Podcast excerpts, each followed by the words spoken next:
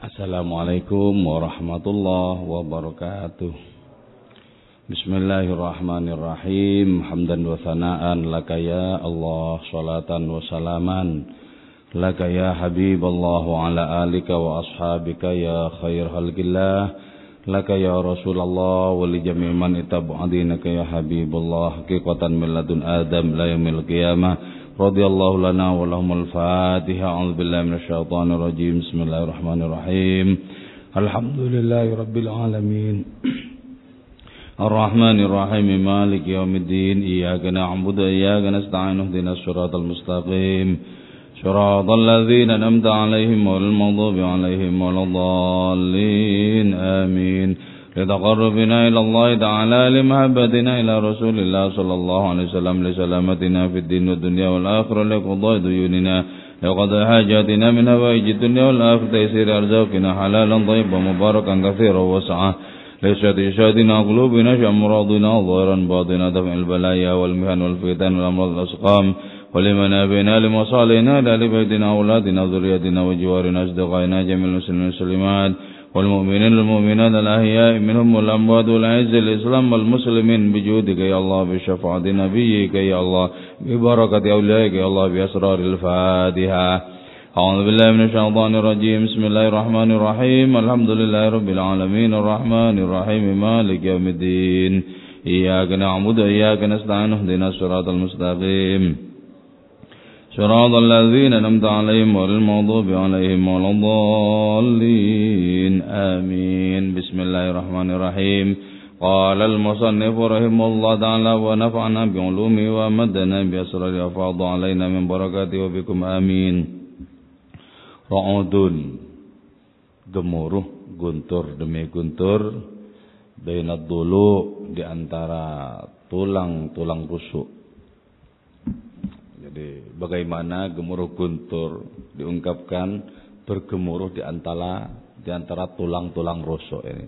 Ini pasti sudah menggunakan bahasa simbol ya yang tidak bisa langsung dikonsumsi begitu saja. Kita nanti kalau sudah memasuki pembahasan puisinya, insya Allah paham, moga-moga manfaat, barokah, amin. Lamaat berkilau lana bagi kita. Bil abraqaini dengan dua kilat. Burukun apa macam-macam kilat. Qasafat gemuruh. Laha bagi itu buruk. Bainad dulu di antara tulang-tulang rusuk. Ru'udun apa guntur demi guntur. Yang pertama kita membahas istilah al-abraqain atau dua macam kilat ya. Ketika malam terutama menjelang hujan atau saat hujan kita bisa menyaksikan kilat. Menyaksikan kilat. Setelah kilat kita bisa mendengarkan gemuruh guntur bersabung di angkasa. Nah, apa yang sesungguhnya dimaksud dengan dua macam kilat ini? Ay masyhadaini lidzat dua cara menyaksikan zat Allah. Dua cara menyaksikan zat Allah. Ini yang disebut dengan dua macam kilat. Sekarang pertanyaannya kenapa menggunakan simbol kilat misalnya ya? Li sur'ati zawaliha karena cepat lenyapnya kesaksian itu. Jadi menyaksikan bisa berhenti, menyaksikan bisa berhenti sebagaimana kilat yang muncul lenyap, muncul lenyap, muncul lenyap begitu. Terus yang pertama apa? Yang pertama dua macam kesaksian tentang zat Allah itu apa? Mashhadun fil ghaibi yang pertama itu. Menyaksikan kemahagaiban Allah taala. Yang kedua, masyhadun syahadah menyaksikan kemaha imperisan Allah. Jadi Allah maha gaib sekaligus maha empirik. Allah itu batin sekaligus zahir. Wal awwalu wal akhiru wadzahiru wal batin. Kita memasuki ayat ini yaitu dimensi zahirnya Allah dan dimensi batinnya Allah. Zahir batin disebut al-abraqain, dua macam kilat. Bagaimana kita menyaksikan Allah taala secara gaib, ya? Langit dan bumi ini terlalu ringkih untuk bisa menampung Allah terlalu kecil untuk bisa menampung Allah. Karena itu tidak ada satupun padanan di semesta ini yang mendekati keserupaan dengan Allah. Tidak ada. Laisa kamitslihi syai'. Tidak ada. Nah, dengan cara pandang seperti ini, kita meyakini kemahasempurnaan Allah Subhanahu wa taala yang tidak ada padanannya, yang tidak ada keserupaan dengannya, yang tidak ada kemirip-miripan apa pun dengannya. Gaib. Gaib. Pokoknya Allah serba maha sempurna. Dalam konteks ini Allah bukanlah A, bukanlah B, sampai bukan Z. Allah adalah zat yang maha bukan. Itu sebabnya gaib menjadi terlalu tak terperikan sehingga tak terbayangkan. Engkau yang tak pernah terbayangkan dengan seksama, aku meyakini kemahasempurnaanmu. Itu ya, disebut dengan masyhadun fil ghaib. Nah, karena masyhadun fil ghaib maka ghairu mutanawwa'in, maka tidak ada variasi-variasinya. Pokoknya sudah meyakini serba maha, tidak ada variasinya. Beda dengan Allah Ta'ala yang kita saksikan tampak dan zahir itu variasi variasinya sangat banyak bahkan tidak terbatas. Tidak terbatas. Nah, menyaksikan Allah secara gaib ini disebut tanzih. Nanti menyaksikan Allah Ta'ala di dalam keberadaan segala sesuatu disebut tasbih. Bukan tasbih yang dihitung-hitung, bukan. Pakai shin. Tasbih. Yaitu adanya keserupaan. Adanya keserupaan. Nah, dua-duanya ini wajib dipakai. Wajib dipakai. Kalau cuman tanzih tok, kalau Allah diyakini cuman maha gaib tok, bagaimana kita bisa membayangkan tentang ketak terhinggaan kesempurnaannya? Gak bisa. Nggak bisa kalau cuman tanzih.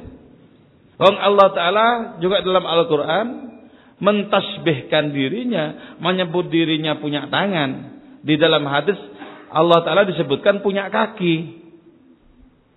Al-Quran menyebutkan bolak-balik Allah itu memiliki pendengaran dan penglihatan.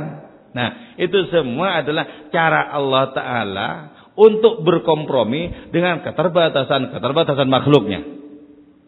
Sebab kalau tidak demikian, bagaimana mungkin makhluk bisa memahami keterbatasan Allah Ta'ala? Gak mungkin. Secara logika gak nyambung. Jadi kalau Allah Ta'ala berbicara atas nama kemutlakannya, tak satu pun ayat dalam Al-Quran bisa dipahami. Cuman karena Allah Ta'ala merendah, Allah Ta'ala itu mendatangi, menyambangi makhluk-makhluknya terbatas maka Allah berbicara sesuai dengan keterbatasan makhluk-makhluknya. Kita tahu ya, seorang bapak yang akalnya sudah melampaui dunia, ketika menemani anaknya, dia berbicara dengan bahasa anak-anak. Bahkan sengaja dicidal-cidalkan, anaknya capal. Kalau berbicara secara intelektual, berarti yang goblok bapaknya. Sama anak kecil kok nggak menyesuaikan diri gitu kan. Masa anak kecil mau ditarik kepada kita untuk menyelesaikan dengan diri kita, berbicara paradigma dan lain semacamnya? Enggak bisa, enggak nyambung. Nah, ini sebenarnya yang stres ini bapaknya. Pasti gitu. Nah, Gusti Allah Ta'ala itu dari saking belas kasihnya menyambangi makhluk-makhluknya yang terbatas dengan bahasa pula yang terbatas. Yang bisa dipelajari, bisa dipahami. Dan Allah Ta'ala memberikan kemurahan. Silahkan Seberapa kemampuanmu untuk menyelami firman-firmanku? Silakan. Ya. Jadi yang disebut abraqain itu Seperti itu. Nah, kalau Allah taala yang batin, yang gaib itu salbiun, menafikan segala sesuatu. Pokoknya bukan ini, bukan itu, tidak sama dengan ini, semuanya enggak ada. Dinafikan semua. Tapi kalau Allah Ta'ala yang mengejawantah dalam segala sesuatu, Allah yang menyesuaikan diri dengan keterbatasan makhluk-makhluknya, itu Allah yang ramah, yang bisa kita dekati lewat pintu apa saja. Sampai ada seorang sufi yang tergila-gila menyatakan itu kaya ilahi aku menyaksikanmu oh Tuhanku fi suratil qaid dalam rupa orang-orang yang duduk Wa ra'aituka ilahi fi suratil masyi. Aku menyaksikanmu dalam rupa orang yang berjalan. Aku menyaksikanmu dalam rupa orang yang makan. Aku menyaksikanmu dalam rupa orang yang minum. Aku menyaksikanmu dalam rupa orang-orang bercinta. Gitu ya. Nah itu yang disebut dengan tanawu. Tanawu. Itu dalam konteks zohir yahnya Allah. Atau masyhadun fi syahadah. Nah, bagaimana jalan untuk sampai kepada kesaksian itu? Untuk sampai kesaksian itu. Pertama-tama ya, untuk sampai kepada kesaksian, pertama-tama kita belajar tentang apa? Tentang ma'rifatul af'al. Apa ma'rifatul af'al? Semua yang ada, yang bergerak, yang bertindak, sesungguhnya gerakan dan tindakan itu murni berasal usul dari Allah Subhanahu wa taala. Bahkan ra'aituka fi suratil muharrik. Aku menyaksikanmu ya Allah dalam rupa orang yang menggerakkan. Ketika semua af'al itu dinisbatkan pangkalnya kepada Allah Subhanahu wa taala, itu yang disebut dengan ma'rifatul af'al. Kalau orang sudah ma'rifatul af'al, nanti menyaksikan daun-daun digoyang oleh angin yang disaksikan Allah Ta'ala pula. Bukan angin itu. Angin itu sesungguhnya adalah objek sebagai pelengkap penderita sebenarnya. Bukan angin itu. Langsung kenanya Gusti Allah. Alir mengalir, air mengalir. Kenanya kepada Gusti Allah. Menyaksikan apa saja Gusti Allah. Itu namanya ma'rifatul af'al. Nah, ini awal mula perkenalan orang dengan Allah Subhanahu wa taala lewat jendela ma'rifatul af'al. Jadi nanti kalau begitu kita menyaksikan sopir-sopir di jalan, menyaksikan petani-petani di sawah, saksikan siapa sesungguhnya yang memiliki gerakan itu. Siapa? Ini. Nah kalau sudah connect dengan Gusti Allah Ta'ala, berarti makrifat amal kita sudah bagus, sudah tangguh.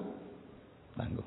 Di saat itu kemudian kita akan menyaksikan manfaat dan mudarat datangnya dari Allah Subhanahu wa taala tidak betul-betul datang dari makhluk-makhluk itu. Tidak. Jadi kita menyaksikan Allah Ta'ala. Ya latihannya gimana? Latihannya ya tinggal terus saja. Renungan dipakai. Renungan dipakai. Maulana Rumi bertanya, dari mana datangnya semesta ini? Kau juga datang dari mana? Kau mungkin tak tahu kau datang dari mana. Oh, tidak ada bahannya. Dari mana datangnya semesta ini? Kalau tidak dari hadiratnya jua. Bagaimana mungkin terjadi Big Bang? Ledakan besar yang berpengaruh sampai hari ini.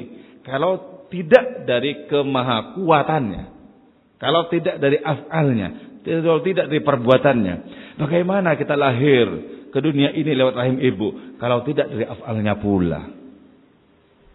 Ya Allah, kata saya Tajuddin ketika begitu sadar ya, aku tidak bisa bernisbat kepada siapa-siapa selain kepada engkau. Itu kepada asal usul segala gerakan itu ya yang di dalam filsafat disebut dengan prima causa.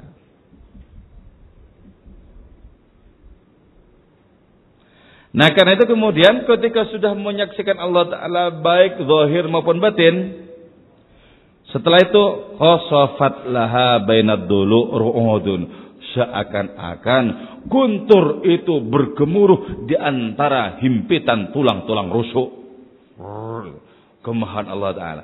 Ini yang menyebabkan Nabi kita kemudian berdoa.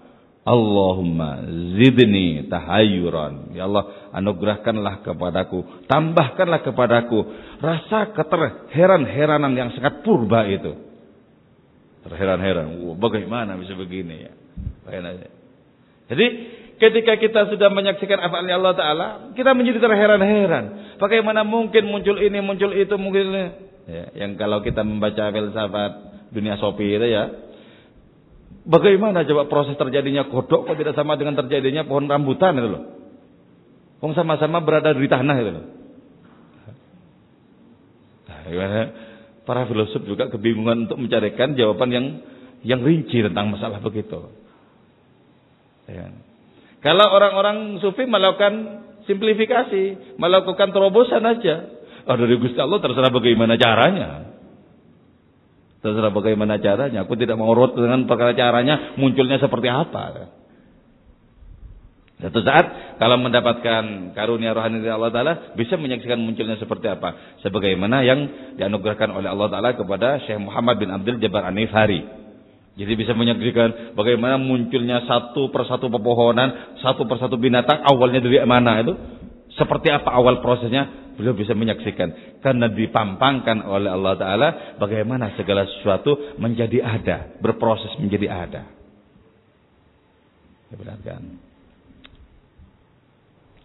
Nah ketika sudah menyaksikan seperti itu, maka kemudian muncul gemuruh. Apa wujudnya gemuruh itu? Munajat. Nabi Musa terbelalak takjub ya. Bagaimana bisa menyaksikan api di ranting-ranting pohon yang hijau dan ranting pohon itu tidak terbakar. Ya. Terkejut Nabi Musa.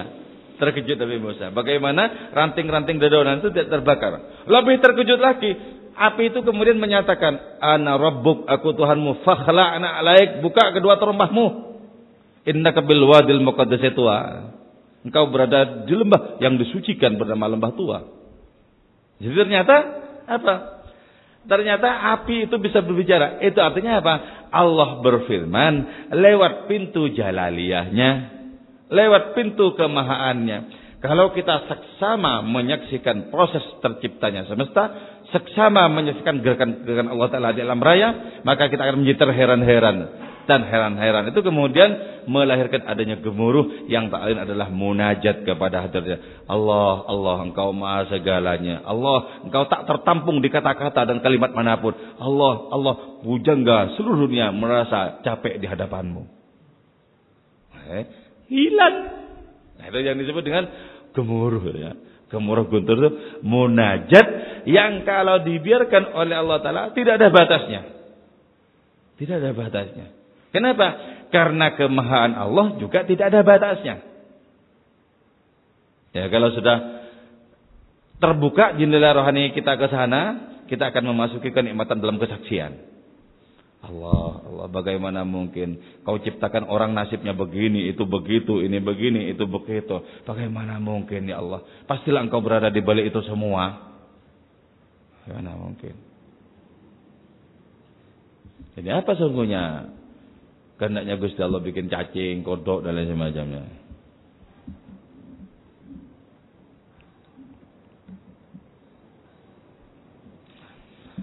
Qasafat laha bainad dulu ru'udun.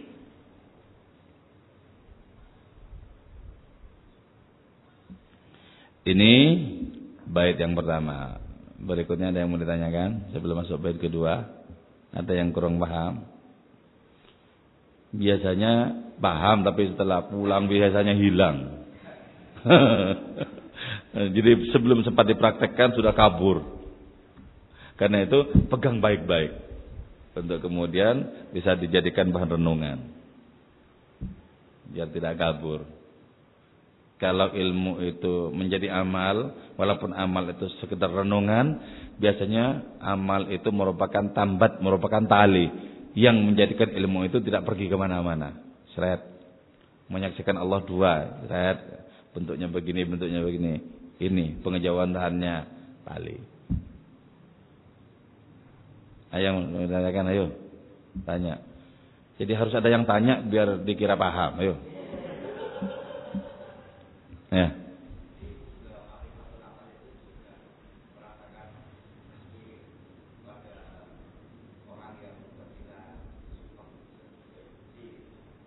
Iya mestinya. Mestinya. Hmm. Nah, itu kan karena dia melihat makhluk itu secara partikular ya. Seolah-olah makhluk itu tidak ada hubungannya dengan Gusti Allah. Kan itu. Seolah-olah padahal baik yang membenci maupun yang dibenci itu asal usulnya tangan yang satu sebenarnya. Bagaimana bisa bertikai ya? Heran tak? Sebagaimana pertikaian di antara daun-daun ketika dihempas oleh angin. Wow, bertikai. Kata-kata kata orang-orang yang berpegang kepada partikularitas. Kata Maulana Rumi, itu tidak bertikai, itu bertepuk tangan tanda kegembiraan. Kan salah bertikai ini kan. Sama dengan dua sapi dijejer. Lah. Ini bermesraan kepalanya. Tapi buntutnya itu loh. Saling pecut. Cek, cek, cek, cek, cek. Kata anak kecil, kok bertengkar buntutnya ini? Kata orang dewasa, oh tidak itu sedang bermesraan. Jadi yang perlu diupayakan adalah menciptakan koneksi antara segala sesuatu dengan Allah Ta'ala. Semua yang ada memiliki tali yang menghubungkan diri dengan Allah Ta'ala. Tapi tali itu, oh paman, kata Maulana Rumi, begitu sangat rahasia. Siapa menemukan tali itu antara segala sesuatu dengan Allah Ta'ala, maka dia menemukan alamat Allah Ta'ala. Pegang talinya. Rupa beraneka ragam ini, tangannya satu. Ya.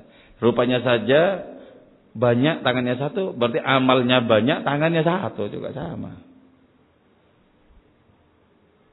Ya. Tapi menjadi sulit ketika berhadapan dengan sesuatu yang menjengkelkan loh. Ini dari Allah, nggak bisa, tetap dari orang ini. Jadi, jadi sulit ya. Kalau sudah masuk kepada hal-hal yang menjengkelkan tuh, kenapa? Karena pikiran menjadi keruh. Ketika pikiran keruh, sulit untuk menemukan tali antara sesuatu yang dibenci dengan Allah Taala. Sulit. Karena itu kemudian, wah, setan murni ini kayak gini. Jadi seolah-olah bahkan setan itu padahal memiliki tali dengan Allah Taala juga.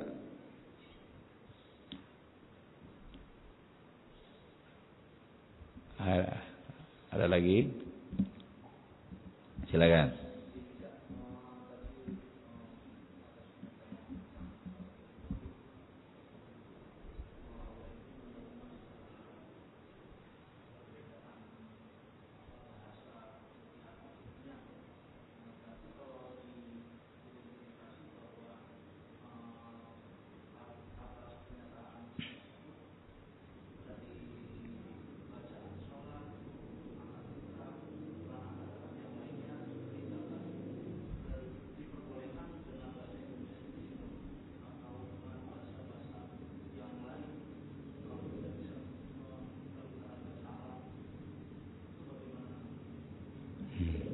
Kalau dalam Islam kan ya, ada yang harus diseragamkan, ada yang boleh berkreasi.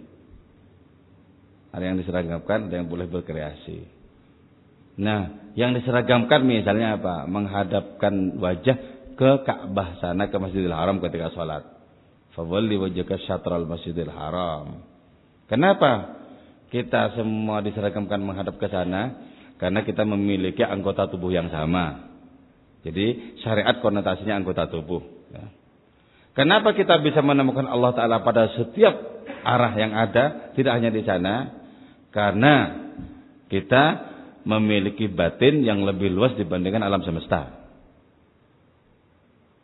Jadi ini kita berbicara ya dalam konteks seperti ini kita berbicara hakikat ya hakikat.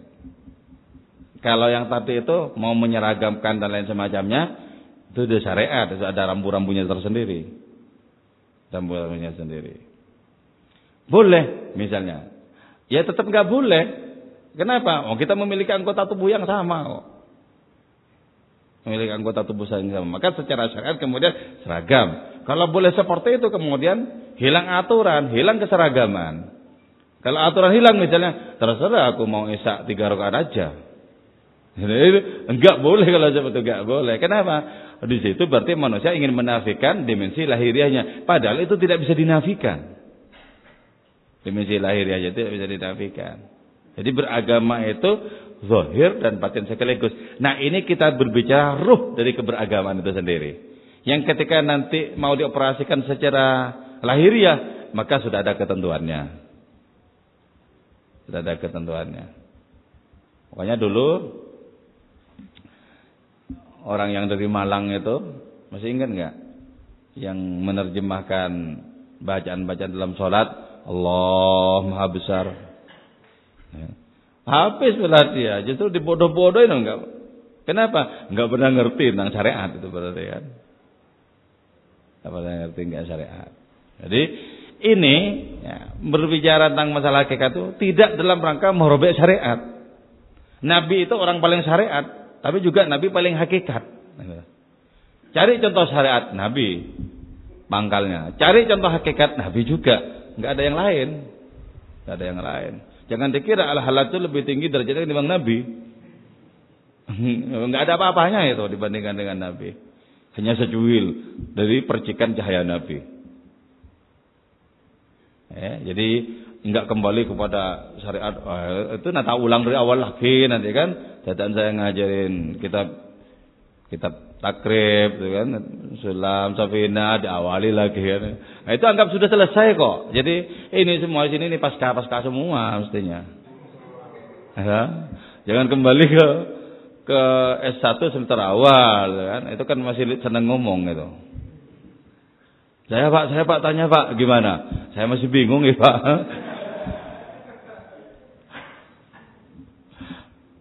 ayo gimana? Ayo lagi ya yang yang terutama bisa dipahami lah. Eh, atau yang ada hubungannya dengan apa yang saya ungkapkan tadi yang mau ditanyakan. Menerapkan Allah uh, menerapkan kesaksian terhadap Allah Taala sudah kira-kira bisa ya? Mutlak karena itu melampaui segala sesuatu. Terus tampak karena kehadirannya berada pada segala sesuatu. Katanya. Itu diterapkan dua-duanya Sebab kalau cuma diterapkan pada segala sesuatu yang tampak berarti membatasi. Membatasi. Tapi kalau cuma diterapkan kepada yang batin, yang gaib, berarti tidak menyaksikan kemahaannya pada segala sesuatu. Nah, jadi makanya dua-duanya. Tanzih dan tasbih sekaligus. Kata Ibn Arabi, kenapa Nabi Nuh itu kok diingkari oleh umatnya? Karena beliau hanya mengajak umatnya dengan cara tanzih. Tidak dengan cara tasbih sama sekali. Sehingga tidak dipahami oleh umatnya. Walaupun sudah diutus di situ selama 950 tahun. Jadi, jadi karena kurang komunikatif. Kurang komunikatif. Kurang komunikatif. Itu menunjukkan adanya apa? Proses-proses kenabian yang senantiasa bersambung dari awal sampai akhir. Ya, silakan.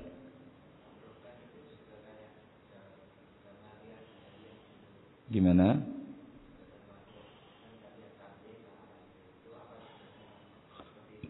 Jalaliyah dan Jamaliyah masuk kategori tasbih. Masuk kategori tasbih. Tapi juga ketika dihilangkan sama sekali. Keterkaitannya dengan segala yang baru ini dengan segala makhluk masuk juga tanzih masuk juga tanzih di dalam kitab di dalam kitab dibak ya Adiru qulubakum ya masyara albab حتى أجل لكم عرائس معاني أجل الأحباب المخصوص بأشرف الألقاب الراقي إلى حضرة الملك الوهاب حتى نظر إلى جماله بلا ستر ولا حجاب صلى الله عليه Jadi bagaimana ketika Nabi Mi'raj itu menyaksikan Allah Ta'ala bila sitrin wala hijab.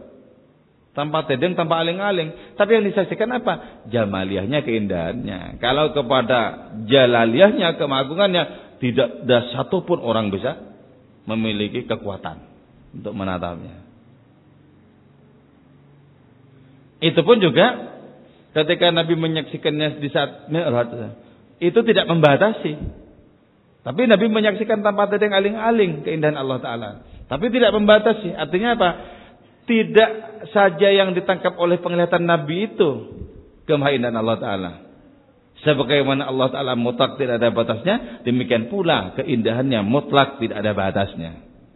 Karena itu orang yang terkagum-kagum kepada Allah akan senantiasa mengalami penyegaran karena Allah Ta'ala tidak bertajalli dengan cara yang sama pada waktu yang berbeda. Seger terus.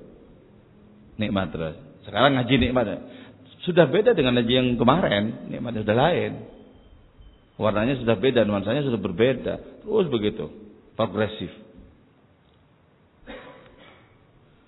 Ada lagi? Oke, lanjutkan.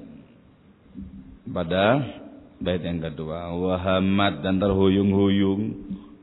Condong itu maksudnya. Sahaibuha apa awan gemawannya itu buruk? Bikulli khamilatin pada setiap taman bunga. Wa bikulli mayyadin alaika tamidu wa bikulli mayyadin dan pada setiap yang condong alaika kepadamu tamidu condong pula engkau. Nah tadi ada idiom tentang tentang kilat tentang guntur ya. Sekarang idiom tentang awan. Nah. Awan gemawan keilahian itu condong kepada setiap taman hati yang dimiliki oleh orang-orang beriman. Karena itu ciptakan hati kita bersih, maka nanti akan datang akan datang hujan-hujan rohani ke dalam hati kita. Akan datang. Jadikan hati kita itu subur, maka hujan rohani itu akan menumbuhkan bunga-bunga dalam hati kita. Itu ketika kita menyaksikan segala sesuatu dengan penuh kasih sayang, sudah. Nabi menyaksikan segala sesuatu dengan penuh kasih sayang. Kenapa? Hatinya penuh dengan bunga-bunga yang senantiasa memberikan harapan kepada siapa saja. Makanya ya dalam Islam itu nggak boleh nakut-nakuti orang nggak boleh. Kalau gitu neraka kamu nggak boleh. Itu tidak memberikan pengharapan itu. Memberikan pengharapan. Nabi itu memberikan pengharapan. Karena itu mana ada para waliullah nakut-nakut itu. Memberikan pengharapan. Bahkan orang yang paling katakanlah tengik sekalipun tetap diberi pengharapan. Ah, ya sama saja peluangnya sama saja. Toh Allah tidak bergantung kepada amal manusia untuk mengangkat derajatnya. Ayo. Berikan pengharapan. Orang-orang yang kumuh nasibnya, campang-camping rohaninya, tetap dikasih pengharapan. Nah, awan gemawan keilahian itu yang menyimpan air hujan itu senantiasa rindu kepada hati orang-orang beriman yang bersih rindu kepada hati orang beriman yang siap ditumbuhi oleh bunga-bunga rohani. Rindu. Karena itu ketika orang jatuh cinta kepada Allah Ta'ala pastikan Allah lebih dulu jatuh cinta kepada orang itu. Jangan kemudian kita punya anggapan karena kita berjerih payah untuk jatuh cinta kepada Allah, maka Allah dalam rangka membalas juga jatuh cinta kepada kita. Bukan seperti itu. Allah yang lebih dulu mencintai kita, maka kemudian muncullah di dalam hati kita benih-benih cinta. Karena itu yuhibbuhum wa yuhibbunahu dalam Al-Qur'an. Bukan yuhibbunallah wa yuhib bukan yuhibbunallah wa yuhibbuhum bukan. Jadi yang pertama yuhibbu cinta Allahum kepada mereka, kemudian responnya wa yuhibbuna dan cinta mereka hu kepada Allah. Nah. Kata itu kata Syekh Abu Bakar Sibli, saya ternyata salah. Dari dulu saya mengira bahwa kalau saya berzikir, kemudian Allah juga berzikir kepada saya. Seolah-olah zikir Allah tergantung kepada zikirku. Ternyata saya salah. Aku bisa berzikir justru karena Allah Ta'ala menggerakkan hatiku untuk berzikir. Ini yang disebut dengan wahamat sahaibwa bikulli khamilatin. Maka tugas kita menciptakan dan atau kesiapan. Hati kita dikasih kesiapan. Untuk apa? Untuk menerima kehadiran-kehadiran keindahan Allah Ta'ala dalam hati. Kasih kesiapan. Biarpun kita masih tidak biarpun nafsu masih menguasai kita, tetap katakan selamat datang walaupun kita terpaksa mengatakannya. Selamat datang, selamat datang dengan cara nawaitu makso awak dengan cara menekan diri, mempressing diri, maka nanti akan kita rasakan adanya kenikmatan di dalam mempersiapkan diri, menyongsong hadirnya benih-benih kecintaan kepada Allah dalam hati kita. Kita siapkan saja. Jadi ibaratnya apa? Kita itu punya tempat, kita akan kedatangan tamu, maka persiapkan minimal tempat itu bersih, tidak kumuh, persiapkan. Sehingga ketika tamu datang nanti kerasan. Tapi kalau kita biarkan kotor, Apalagi sampai di situ banyak ular dan lain semacamnya. Tamunya datang pergi lagi, nggak jadi kalau begini caranya. Nggak jadi. Nah, yang di dalam kitab hikam sebenarnya disebutkan bahwa sebenarnya cahaya-cahaya Allah Taala itu mencari hati manusia yang layak untuk ditempati. Tapi ketika hati itu tidak layak ditempati, kembali lagi kepada asal usulnya. Kembali lagi kepada asal usulnya. Andaikan Siti Maryam tidak memiliki kesiapan untuk melahirkan Isa, maka Isa akan kembali lagi kepada hadirat Allah Ta'ala. Kembali lagi. Andaikan para nabi tidak memiliki kesiapan untuk menerima kenabian, kenabian akan kembali lagi pada asalnya, kepada Allah Ta'ala.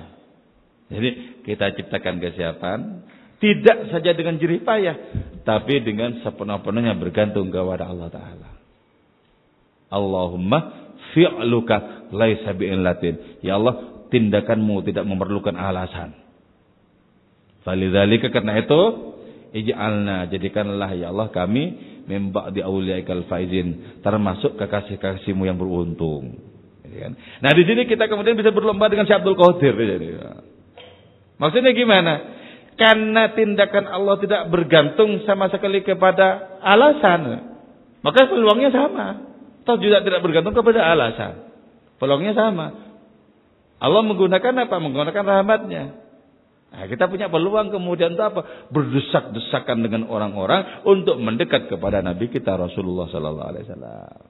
Desak-desakan juga bisa. Peluangnya sama. Karena itu jangan pernah berkecil hati. Hanya karena kita merasakan rohani kita kumuh. Jangan pernah berkecil hati.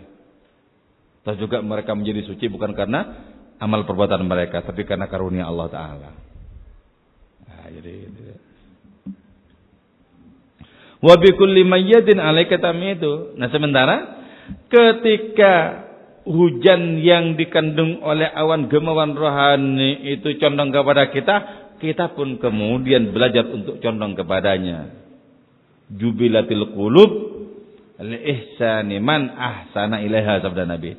Hati itu dicetak untuk berbuat baik kepada siapa pun yang berbuat baik kepadanya. Jadi kalau ada orang berbuat baik kepada kita, kita itu kalau memiliki hati sehat, kita cenderung untuk berbuat baik juga kepada orang itu.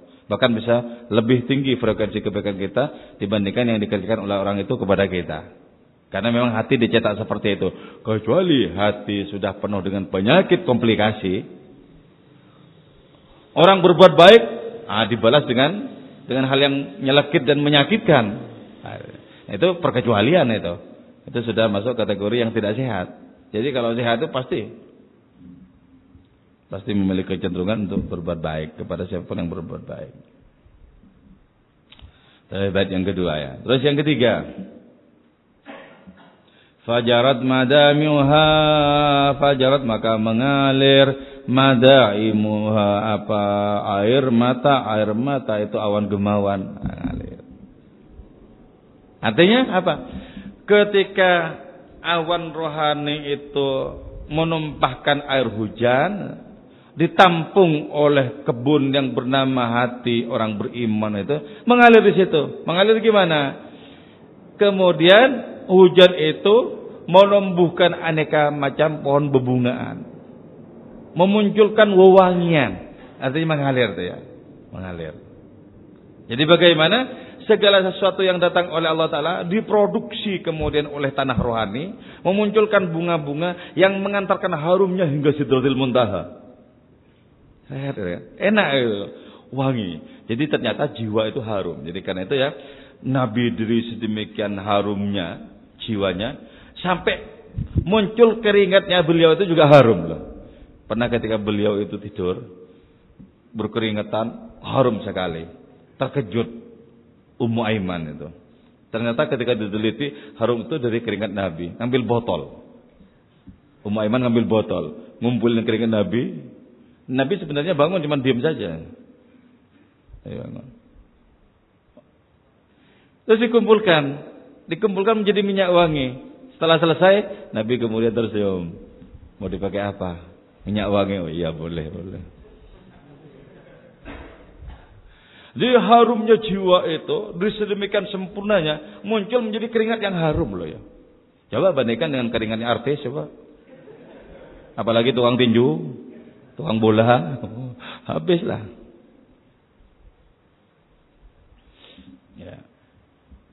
harum.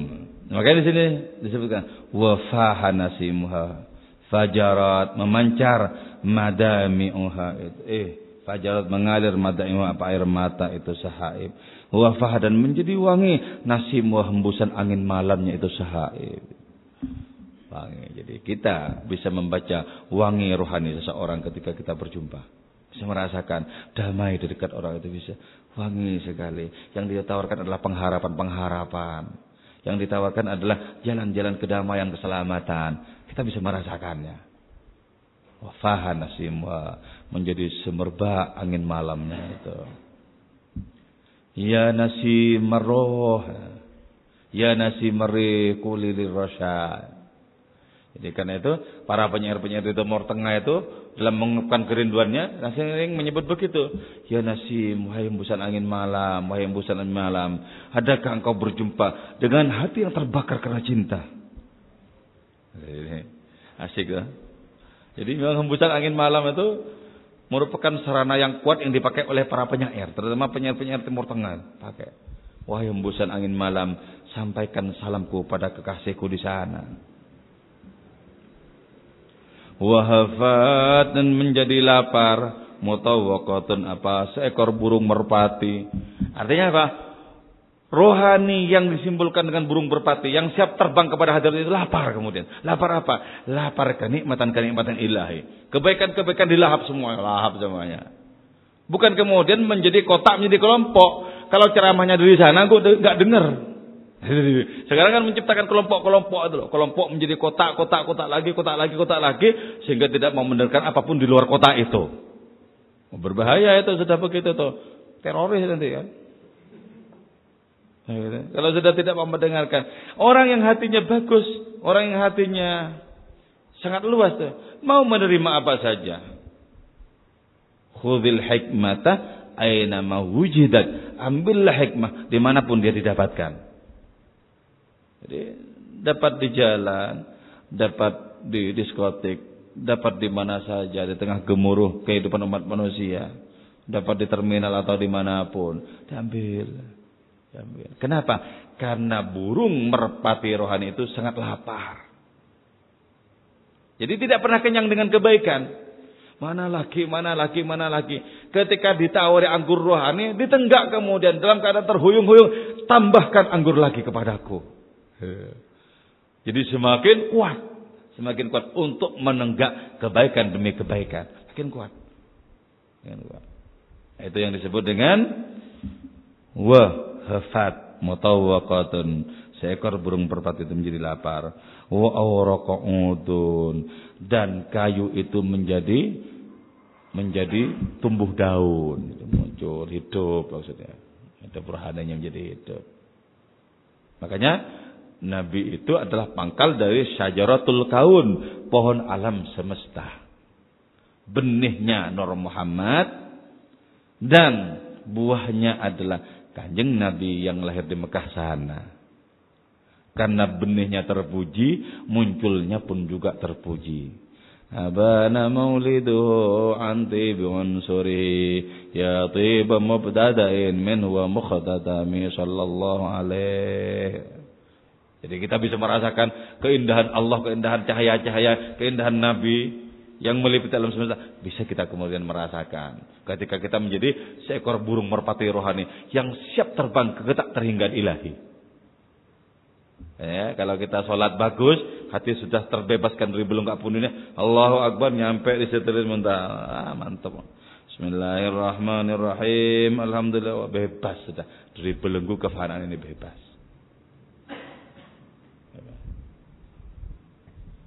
Nah ya, jadi kita memiliki sebenarnya memiliki kekuatan, memiliki modal untuk melampaui semesta ini sebenarnya.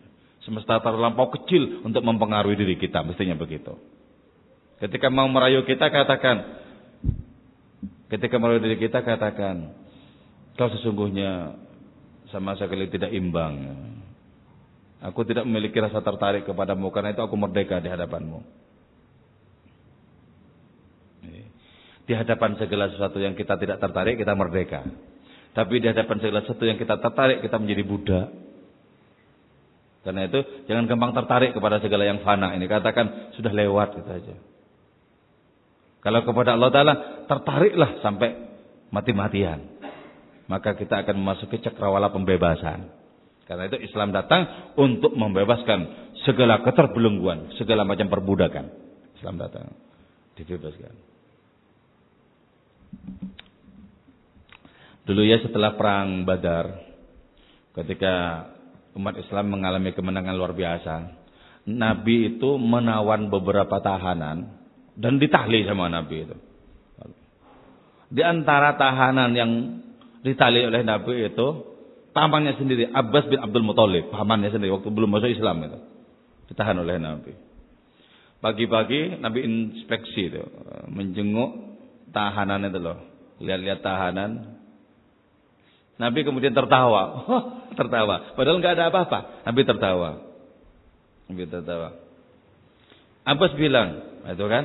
Siapa bilang Muhammad ponaanku itu nabi? Eh, itu buktinya tertawa di atas penderitaan orang lain. Nabi kemudian menanggapi, bukan paman katanya, bukan itu. Saya tertawa. Saya menyaksikan orang-orang mau saya bawa kepada kebahagiaan, kedamaian, keselamatan. Masih meronta-ronta ingin masuk kepada penderitaan. Itu yang buat saya terkagum-kagum. Gitu Karena itu saya tertawa. nggak bisa ditahan ini. Jadi sampai harus ditali itu loh. Masa mau dikasih enak-enak ditali? Ada orang ditali mau dibawa mau dibawa ke mau dibawa ke warung sate ditali. Wow. Itu orang penyakitan itu. Oh, bawa dibawa ke warung sate kok ditali. Berarti itu sakit orang itu. Jadi makan harus dipaksa. Ah, ah, ah. Coba kalau sehat ke mana? Enggak usah diajak, tahu saja ke mana. Ikut ya, ikut, aku ikut, aku ikut. ikut. Ya, ikuti sehat itu. Sehat. Dan mestinya kan gitu. Jadi kalau sudah mati rasa berarti tidak sehatnya itu. Jadi ini tumbuh menjadi menjadi sehat. Ini masih ada dua bait lagi tapi kapan-kapan ya. Ada yang ditanyakan? Ya ada yang moga-moga manfaat barokah amin. Walafu minkum. Wassalamualaikum warahmatullahi wabarakatuh.